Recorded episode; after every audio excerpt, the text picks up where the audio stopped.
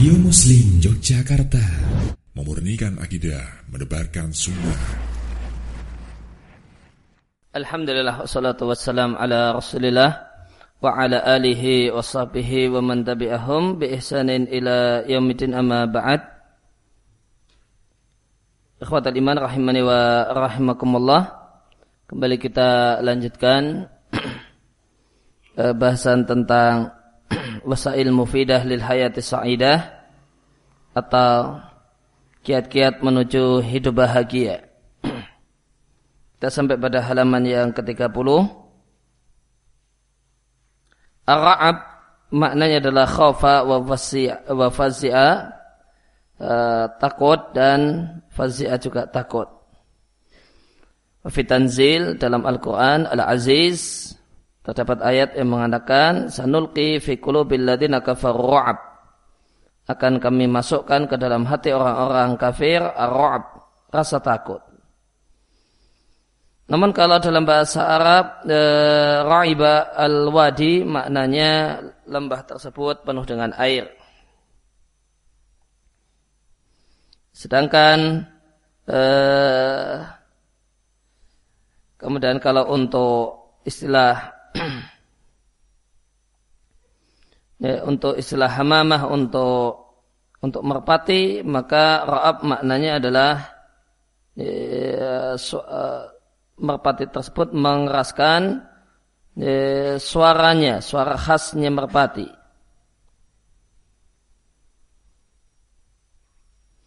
Kemudian kalau ra'iba fulanan artinya khawafahu menakut-nakutinya, wa afza'ahu dan menakut-nakutinya, wa adahu dan mengancamnya. Kalau ada istilah ra'iba as-sinam, sanam, punuh unta, maka maknanya memotong punuh unta. Kalau kata-kata ra'iba untuk al-haud, e, untuk kemudian telaga, artinya memenuhinya kemudian kalau kata-kata ra'ab untuk as-saham untuk panah maka adalah eh, memotong eh, memotong ujungnya. Kemudian kembali ke perkataan Sa'ib Nusadi rahimallahu taala terkait dengan bahasanya orang itu orang yang kafir itu boleh jadi bisa bersabar menghadapi musibah namun perlu ila tamrinin kathirin perlu banyak latihan. Maka di komentar di sarahnya dan satu hal yang mungkin melatih jiwa agar memiliki akhlak akhlak mulia. Dalilnya perkataan Abu Darda Abu Darda mengatakan innamal ilmu bita'allum wal bitahallum. Ilmu itu hanyalah didapatkan dengan belajar dan dan sifat hilm, akhlak mulia berupa hilm itu didapatkan dengan tahallum. Dengan melatihnya. Hilm adalah sifat tidak mudah marah. Tidak mudah emosi. Sifat di mana seorang itu bisa berkepala dingin dalam keadaan telinganya panas. Itu disebut hilm. Dan ini adalah satu sifat mulia. Dia adalah seorang yang bisa meskipun marah dia bisa tetap berpikir jernih, mengontrol lisan dan mengontrol sikap. Dan ini adalah manusia yang luar biasa. Maka di sini dikatakan Abu Darda menyampaikan wal hilm bitahallum. Kalau orang itu mau latihan yang semula emosional, pemarah, itu bisa menjadi orang yang berpikir tenang saat emosi. Namun perlu latihan. Uh, riat ini dijumpai di Majmu' Zawaid ini Hasan al-Albani dalam Sahihul Jami' Dan yang dihasankan oleh Al-Albani adalah ya, yang berstatus marfu. Ya, maka Nabi Shallallahu Alaihi Wasallam mengatakan inamal ilmu bita'allum. Ilmu didapatkan hanya dengan metode belajar. Mungkin dalil tidak tidak adanya ilmu laduni. Ya, yaitu orang itu bisa berilmu tanpa ada usaha belajar. Itu satu hal yang tidak benar dan tidak ada di di dunia nyata. Karena Nabi mengatakan innamal ilmu bita'alum. Yang namanya ilmu itu semuanya perlu proses belajar. Walidah oleh karena itu alal insan atas setiap orang, setiap orang punya kewajiban, tidaklah pasrah kepada tabiatnya, karakter bawaannya. Kenapa fawaqabilun litaryir? Karena karakter bawaan itu mungkin untuk diubah. Walakin yahtad ila sabrin watulu watuli nafasin. Akan tapi untuk mengubah karakter yang jelek butuh kesabaran dan napas yang panjang.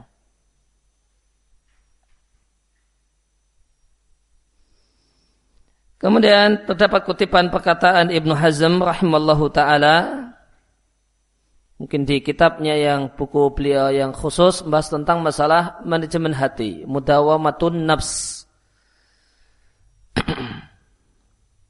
Beliau mengatakan tatalabtu ghardan yastawin nasu kulluhum.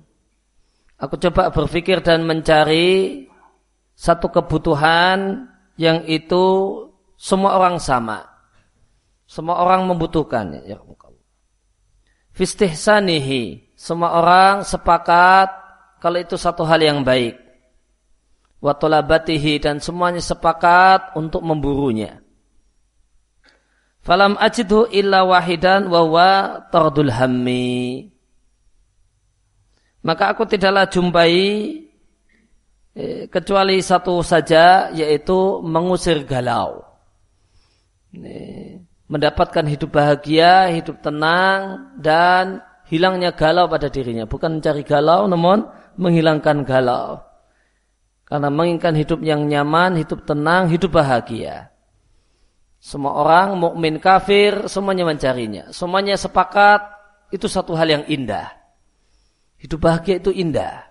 Tidak ada manusia yang mengatakan, ah, saya ingin hidup kacau. Nah, hidup penuh dengan masalah. Nah, semuanya sepakat hidup yang nyaman, hidup bahagia itu satu hal yang indah dan semuanya sepakat untuk mencarinya.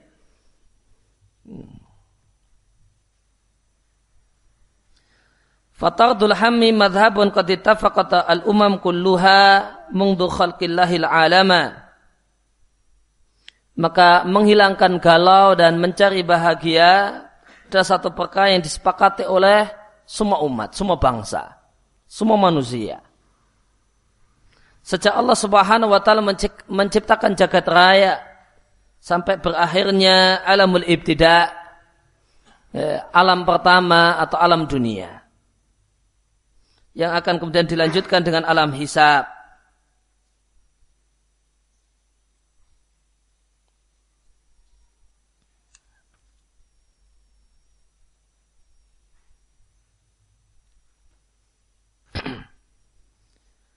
uh, ala alla ya'tamidu bisa'ihim syai'an siwahu.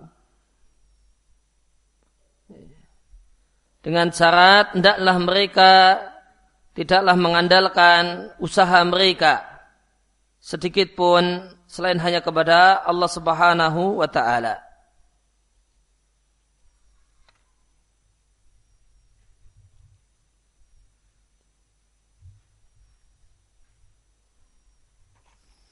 Falamma istakara fi nafsi hadzal alim ar-rafi maka tatkala terpatri dalam jiwa sang ulama ini Ibnu Hazm seorang ulama yang tinggi ilmunya ini dan Allah Subhanahu wa taala berikan kepadanya satu ide li fikrati hadzal kanzil azim untuk memikirkan perbendaraan atau simpanan yang penting ini. Bahasa maka beliau kemudian mencari tentang jalan yang mengantarkannya. Alal hakikati dan itu adalah betul-betul memang mengantarkannya. Ila tardil mengantarkan untuk bisa terusirnya galau. Yang hilangnya galau adalah matlabun nafis. Dan sesuatu yang dicari dan satu hal yang sangat berharga. Yang disepakati oleh semua makhluk. Falam ajid ila tawajuha ilallahi azza wa jal bil amalil akhirah. Maka aku tidak jumpai kata Ibnu Hazm ya, jalan yang mengantarkan kepada tardul ham, hilangnya galau dan terwujudnya bahagia, maka aku tidaklah jumpai ini sambungan dari perkataan beliau yang depan ila tawajjah ilallah kecuali menghadapkan hati kepada Allah azza wajal bil amalil akhirah dengan melakukan berbagai macam amal akhirat.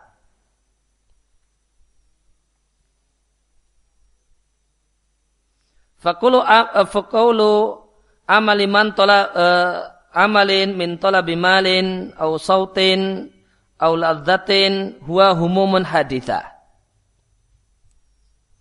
Maka setiap aktivitas setiap aktivitas manusia berupa mencari harta atau popularitas auladzah atau kenikmatan hidup huwa humumun pada hakikatnya adalah galau-galau yang baru. Setiap aktivitas duniawi yang dilakukan oleh manusia itu bukan penghilang galau, malah hal yang mendatangkan galau yang baru wa awarid ta'ridu min khilaliha dan berbagai macam penghalang kebahagiaan yang akan menghalangi yang melaluinya maka terhalanglah dia dari bahagia.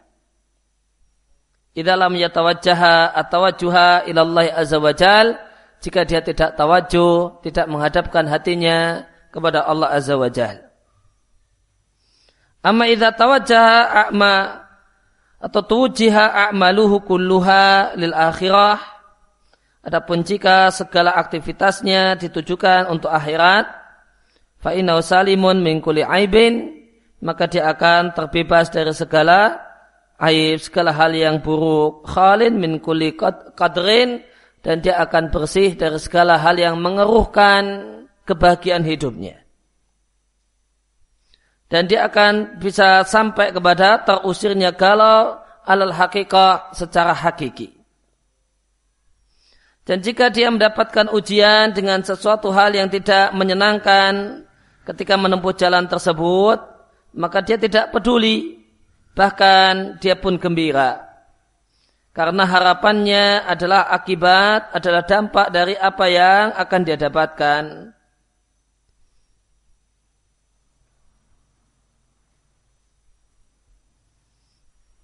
Wa ra'aitu dan aku lihat orang semacam ini idza qassara bil adha surra wa inna nabathu naibatun surra wa in ta'iba fi masalaka fihi surra fa huwa sururun muttasilun abadan wa ghairuhu bi khilafi dalika abada. Kata Ibnu Hazm orang yang seluruh aktivitasnya tertuju pada akhirat maka aku lihat orang semacam ini idza qusira bil ada jika dia terbata dibatasi badannya dengan kejelekan artinya dia selalu mendapatkan kejelekan kejelekan itu ada pada dirinya dia pun gembira. Jika dia mendapatkan satu peristiwa dia pun gembira. Jika dia capek ya, dalam jalan yang dia tempuh maka dia juga gembira fawa surun mutasilon maka gembira itu sambung bersambung pada dirinya abadan selamanya. Sedangkan orang yang tidak seperti ini, orang yang tidak menjadikan seluruh aktivitasnya untuk akhirat, menghadapkan hatinya hanya untuk Allah Subhanahu wa taala, bi khilafi abada. Maka betul-betul e, menyelisih hal tersebut. Abadan sama sekali. Sama sekali terus menerus menyelisih hal tersebut. Tidak serupa dengan kondisi itu selamanya. Ya, maka di sini terdapat kutipan perkataan, sembilan perkataan Ibnu Hazm rahimallahu taala.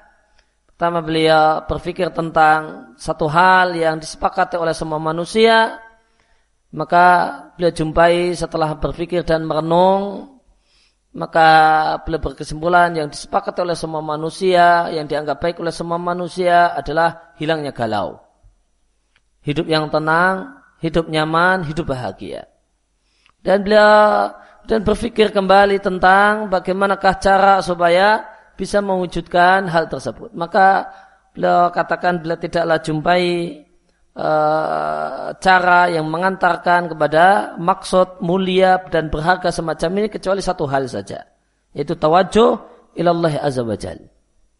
Ini adalah uh, adalah menghadapkan hatinya kepada Allah Subhanahu wa taala bil a'mal lil akhirah dengan melakukan amal-amal akhirat. Menjadi orang yang orientasinya adalah akhirat. Orang yang orientasinya orientasi akhirat itulah orang yang terusir galaunya. Beliau katakan, beliau buktikan, aku lihat orang yang semacam ini dapat musibah gembira. Karena dia memandangnya pandangan akhirat, oh ini menghapus dosa-dosa saya di akhirat. Ini mengingatkan saya untuk rajin untuk semakin rajin berdoa kepadanya, untuk rajin beribadah kepadanya, untuk bertobat kepadanya, maka dia gembira. Ketika mendapatkan musibah dia gembira. Ketika dia mendapatkan berbagai macam rintangan untuk mewujudkan eh, ketika dia menempuh jalan ini, jalan bahagianya ini, dia pun merasa gembira. Dia merasakan kenikmatan dalam eh, dalam kesusahan tadi dan capek ketika hati itu gembira maka capek itu menjadi tidak capek hmm.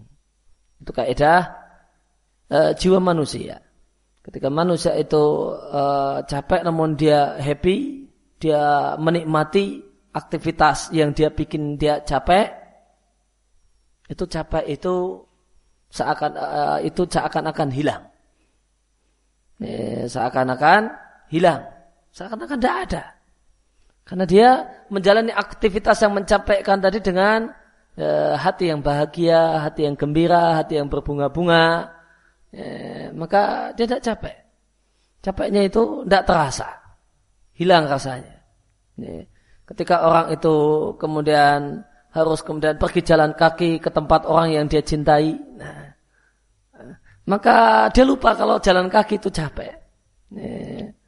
Dan kan itu capek, dia lupa. Kenapa? Karena dia gembira, karena bahagia. Eh, karena dia gembira dan bahagia dengan aktivitas yang membuat dia capek. Hmm.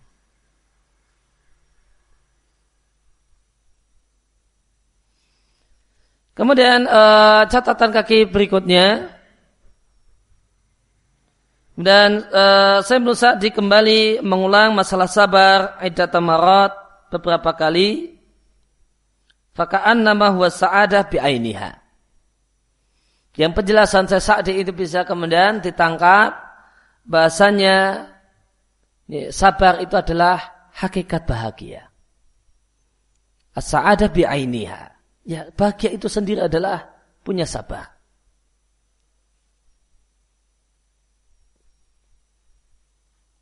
Wakat sabakahu dan telah mendalili Ibnu Sa'di para pendahulu kita yang saleh yang menjadikan tilkal hakikat hakikat ini bahasanya hakikat bahagia adalah sabar. Menjalani hidup dengan penuh kesabaran. Itu terpampang di hadapan setiap orang yang berakal untuk dipegangi. Dan beliau kutip perkataan Ustaz Abdul Wahab An-Najjar di bukunya Qasasul Anbiya. Ketika uh, setelah menceritakan kesabaran Sayyidina Yusuf alaihissalam. Di halaman 177 di buku ini, di kitab ini, Qasasul Anbiya. Maka penulisnya mengatakan karena Yusuf alaihissalam adalah Nabi Yusuf alaihissalam adalah seorang yang berhias bifadilatis sabar dengan satu akhlak mulia yaitu sabar wa wasabru min a'zamil fadail wa ajalliha qadran dan sabar adalah akhlak mulia termasuk akhlak mulia yang paling utama. Ya, dan yang paling akhlak mulia yang paling tinggi kedudukannya. Sabar disebutkan dalam Al-Quran dalam nifin wa sab'ina maudi'an di 70 sekian ayat. Dan Allah Subhanahu wa taala mengkaitkan banyak dari kebaikan dan derajat yang tinggi Allah kaitkan karena berhias, karena seorang itu berhias dengan akhlak mulia yaitu sabar. Dan Allah Subhanahu wa taala tidaklah menentukan untuk sabar satu balasan tertentu dan balasan tertentu. Bahkan Allah jadikan pahala sabar itu dikaitkan dengan kemuliaan Allah, kemurahan Allah yang demikian luas. Kedermawan Allah yang demikian luas, birair wasdin, tanpa timbangan dan tanpa ukuran. Ma'ana hadali kulli maziyatin jazaan muayyana padahal Allah itu menetapkan untuk setiap kelebihan, setiap amal-amal yang istimewa balasan tertentu. Namun ini tidak berlaku untuk sabar. Bacalah firman Allah Ta'ala ja'alna minhum a'immata yahduna bi amrina lamma sabaru. Kami jadikan mereka para imam, para pemimpin, para teladan dalam kebaikan yahdu nabi amrina yang memberikan petunjuk dengan perintah kami atau e, lama sobaru karena mereka bersabar. Dan Allah Subhanahu wa taala menyampaikan bahasanya Allah membinasakan Firaun dan memberikan kekuasaan di muka bumi untuk Bani Israel itu sebabnya karena sabarnya Bani Israel. Watamat kalimat rabbikal husna. Dan sempurna sudah keputusan Tuhanmu yang merupakan dan firmannya seluruhnya adalah al-husna. Adalah firman-firman yang terindah. Ala Bani Israel. Eh, telah sempurna, telah tetap. Putusan untuk Bani Israel berupa Bani Israel menjadi manusia bangsa yang Allah muliakan, Allah berikan Allah beri kekuasaan di muka bumi, dan Allah hancurkan musuh-musuh Bani Israel yaitu Fir'aun dan orang-orang yang mengikutinya sebabnya bima sobar. Disebabkan mereka bersabar bukan karena disebabkan mereka rajin berdemo uh, atau yang lainnya namun uh, karena mereka karena mereka bersabar menghadapi tekanan tekanan dari Fir'aun dan orang-orang yang sepaham dengannya. Demikian yang Allah firmankan di surat Al-A'raf. Ini firman Allah di surat Al-A'raf. Demikian juga ayat dan yang lain Allah perintahkan untuk bersabar wasbiru bersabarlah kalian. Di ayat yang lain Allah katakan jika kalian bersabar dan bertakwa. Di ayat yang lain dan berilah kabar gembira pada orang-orang yang bersabar. Dan Nabi Shallallahu Alaihi Wasallam mengatakan asabru nisful iman. Ini adalah uh, kesabaran itu adalah separuh iman. Ini, namun hadis ini ada di dhaifahnya saya al-Albani.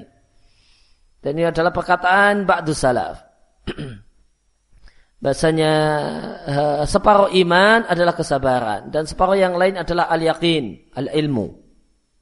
Ilmu yang membuahkan yakin.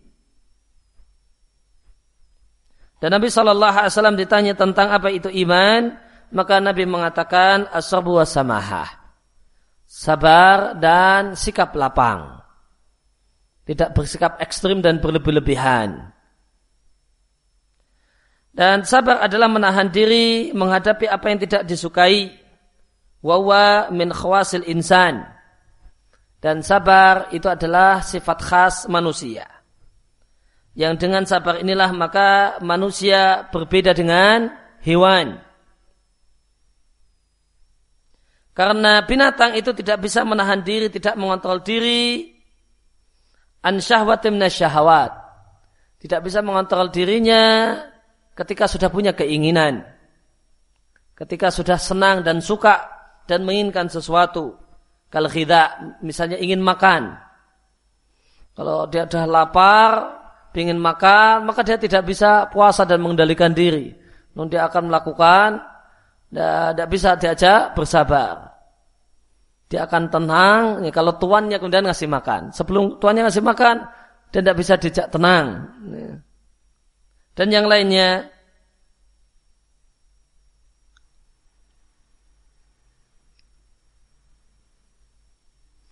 Walatang fi awakib syai' Dan binatang itu tidaklah memandang dampak dari sesuatu yang dia sukai. Ketika ada makanan yang menyenangkan, maka pikirannya adalah bagaimanakah menikmatinya. Padahal ternyata itu racun. Itu tidak dipikirkan. Binatang tidak memikirkan hal tersebut. Nah, wah ini enak. Nah, dilahap. Padahal itu ternyata beracun. Akibatnya dia mati karenanya. Balhiyah tangdur adapun kaidah hewan, dia hanya melihat syahwatnya al-hadirah yang ada saat ini, keinginannya sesaat sekarang ini. Walatah bis nafsaha anha aslan dan dia tidak bisa mengontrol apa yang saat ini dia inginkan, apa yang saat ini dia bersahwat dengannya, dia sangat menginginkan aslan sama sekali. Dan sabar itu memiliki banyak nama. Terdapat nama-nama baru dikaitkan dengan objek sabarnya. Jika seorang itu bersahwa, bersabar ya, berkaitan dengan sahwat perut dan sahwat kemaluan, keinginan untuk berzina dan sejenis itu, maka sabarnya disebut ifah. Sabarnya disebut ifah. Maka ifah itu ada dua macam, sebagian di sini diisyaratkan Ifah dalam artian bersabar berkaitan dengan sahwat perut. Maka ifah di situ maknanya menjaga kehormatan dan tidak ngemis serta minta-minta. Orang punya orang menjadi seorang yang afif, tidak mau ngemis. Hakikat apa yang dia lakukan? Sabar. Ini, dia rela lapar dan perut melilit, ya, dia rela menghadapi itu semua ya, karena dia sabar untuk tidak mengemis. Tidak minta-minta dan merendah kepada manusia. Dan eh, dan ada ifah dalam artian sabar berkaitan dengan sahwat kemaluan. Tidak berzina dan uh, homo uh, onani dan sebagainya. Nah, maka dia adalah orang yang punya sifat ifah. Hakikatnya sabar.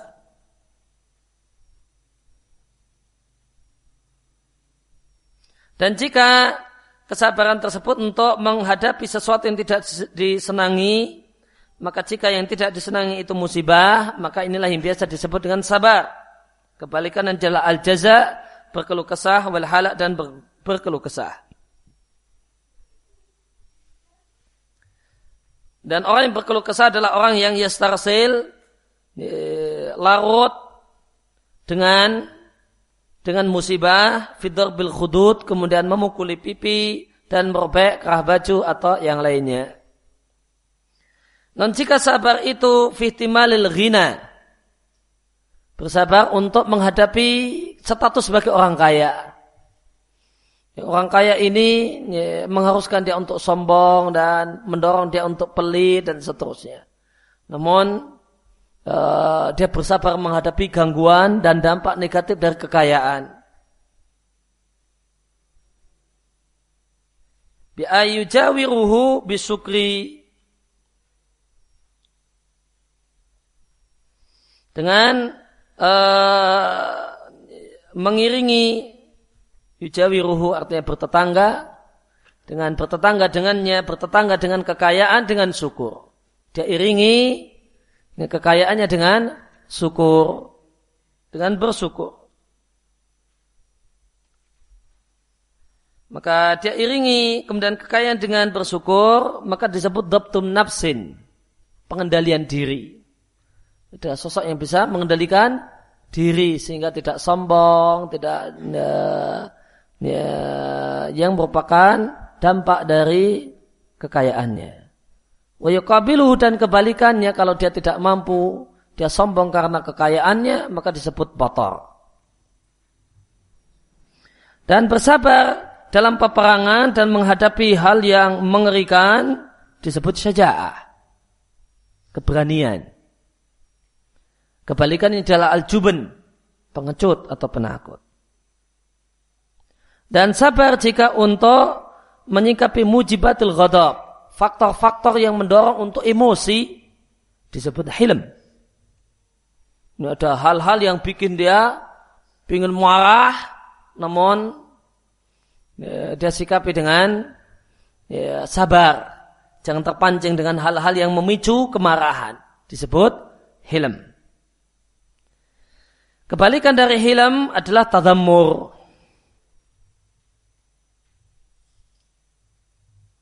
Wa ingkana sabar jika sabar itu menghadapi naibah, menghadapi satu peristiwa mujirah yang menjengkelkan min nawaibiz zaman berbagai macam peristiwa yang terjadi seiringnya waktu maka disebut satu sadar orang yang lapang hatinya, lapang dadanya. Hal-hal yang menjengkelkan ini bukan musibah namun hal-hal yang bikin jengkel. Usilnya orang-orang yang usil Ya, maka kemudian dia bisa uh, bersikap dengan baik, jernih, berpikir bijak, arif dan bijak, maka disebut orang yang saat sadar. Orang yang punya uh, dada yang lapang.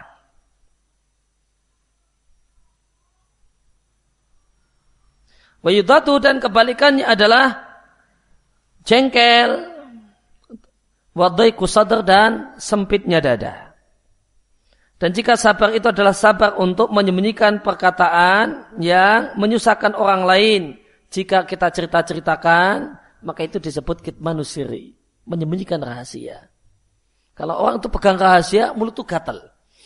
Kalau orang itu pegang rahasia, sifat manusia. Kalau dia pegang rahasia, mulutnya itu gatal, cerita. Hmm. Kalau dia kemudian bersabar menghadapi gatalnya mulutnya untuk cerita, dia perlu sabar. supaya tidak kemudian menindaklanjuti mulutnya yang gatal untuk cerita tentang uh, aib orang lain atau rahasia orang lain.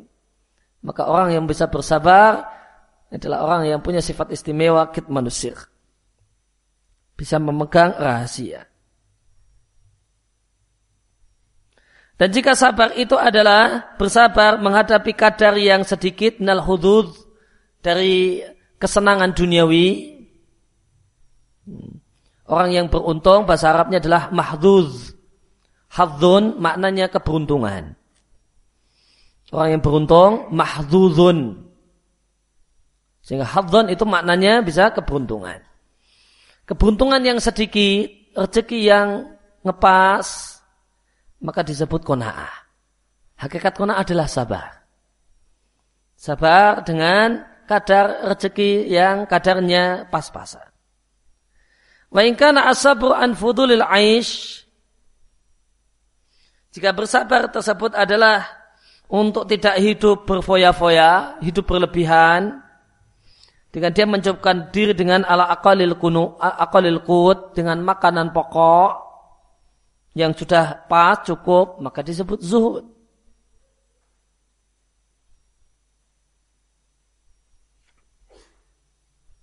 Oleh karena itu maka walhasil disimpulkan sabar itu punya banyak nama.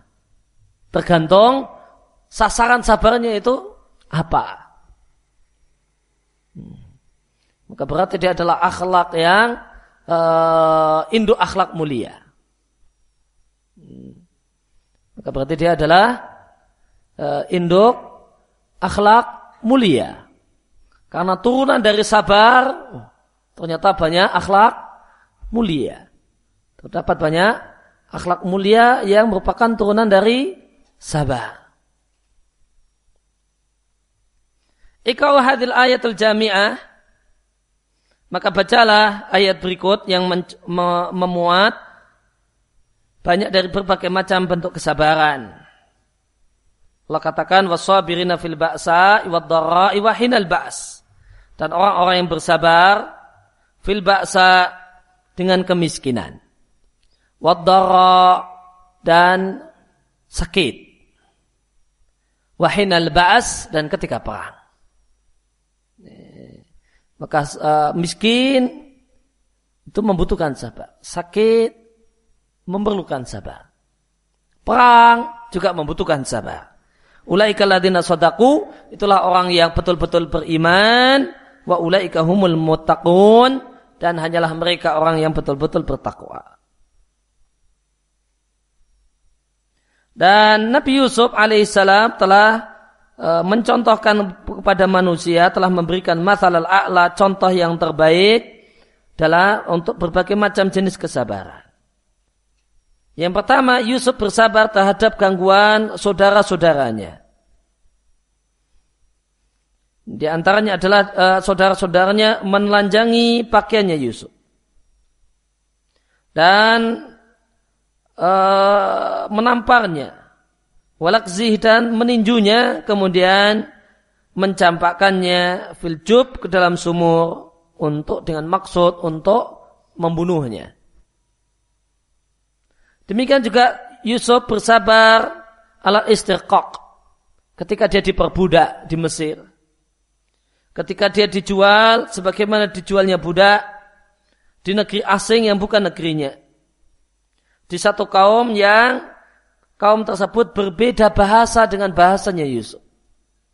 Karena Yusuf orang Palestina. Dan ini dia dijual di Mesir. Berbeda dalam bahasa, berbeda dalam masalah agama, dan berbeda dalam masalah akhlak. Berbeda dalam masalah etika. La bal sabar ala a'zam min hada. Bahkan Yusuf bersabar dengan kesabaran yang lebih hebat dari hal ini. Di mana orang-orang Mesir menganggapnya sebagai orang yang jahat, janian sebagai pelaku kejahatan. Itba'ahu karena ba'ahu multaqituhu orang-orang yang menemukan Yusuf itu menjual Yusuf bi abkhasil athman dengan harga yang paling murah. Sebagaimana firman Allah Ta'ala wasyarauhu bisamanin baksin. Maka mereka menjual Yusuf dengan harga yang murah darahim ma'dudah Ya, yaitu cuma dengan dirham, nggak pakai dinar. Ini, kalau itu pakai dirham berarti murah. Ini mahal pakai dinar. Itu pun ma'dudah bisa dihitung dengan jari. Ya, berarti ini murah sekali. Wa kanu fihi minaz zahidin dan mereka adalah orang-orang yang tidak suka dan zuhud dengan Yusuf. Namun setelah itu Yusuf pun bersabar menghadapi nikmat Allah dan menyikapi, mengiringi nikmatnya, nikmat jadi menteri, jadi penguasa, jadi orang terhormat, setelah dulu pernah jadi orang yang dianggap sebagai penjahat. Ya, habis itu kemudian berubah status, Masya Allah, berubah 180 derajat keadaannya. Pernah dianggap sebagai orang yang jahat sampai dijebloskan dalam penjara karenanya dan dianggap sebagai uh, budak yang jelek, yang enggak bermutu, tidak ada gunanya, dijual dengan harga yang murah. Habis itu kemudian berubah status. Jadi orang yang terhormat, kepercayaan Raja Mesir, maka normalnya manusia dia akan sombong dengan dengan posisi barunya.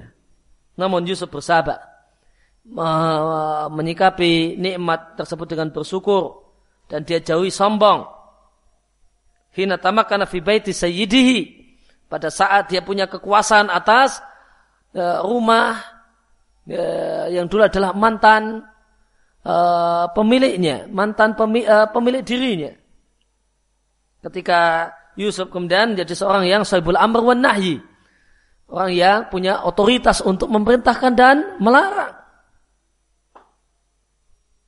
Maka lihat falam yusi istimal al ma mal maka Yusuf pun tidaklah kemudian mempergunakan harta secara buruk dengan membelanjakannya untuk syahwat non dia Allah berterima kasih kepada Allah dan kepada tuannya. Walam dakhili nafsihi min dalikal ghina. Dan dia pun tidaklah menyimpan untuk dirinya dari kekayaan tersebut. Dan dia tidaklah menikmati dari hartanya kecuali kebutuhannya. Wakafa dan dia menahan diri dari al-fudul, dari berlebih-lebihan, fakana qani'an, maka ketika kaya beliau adalah seorang yang qana'ah.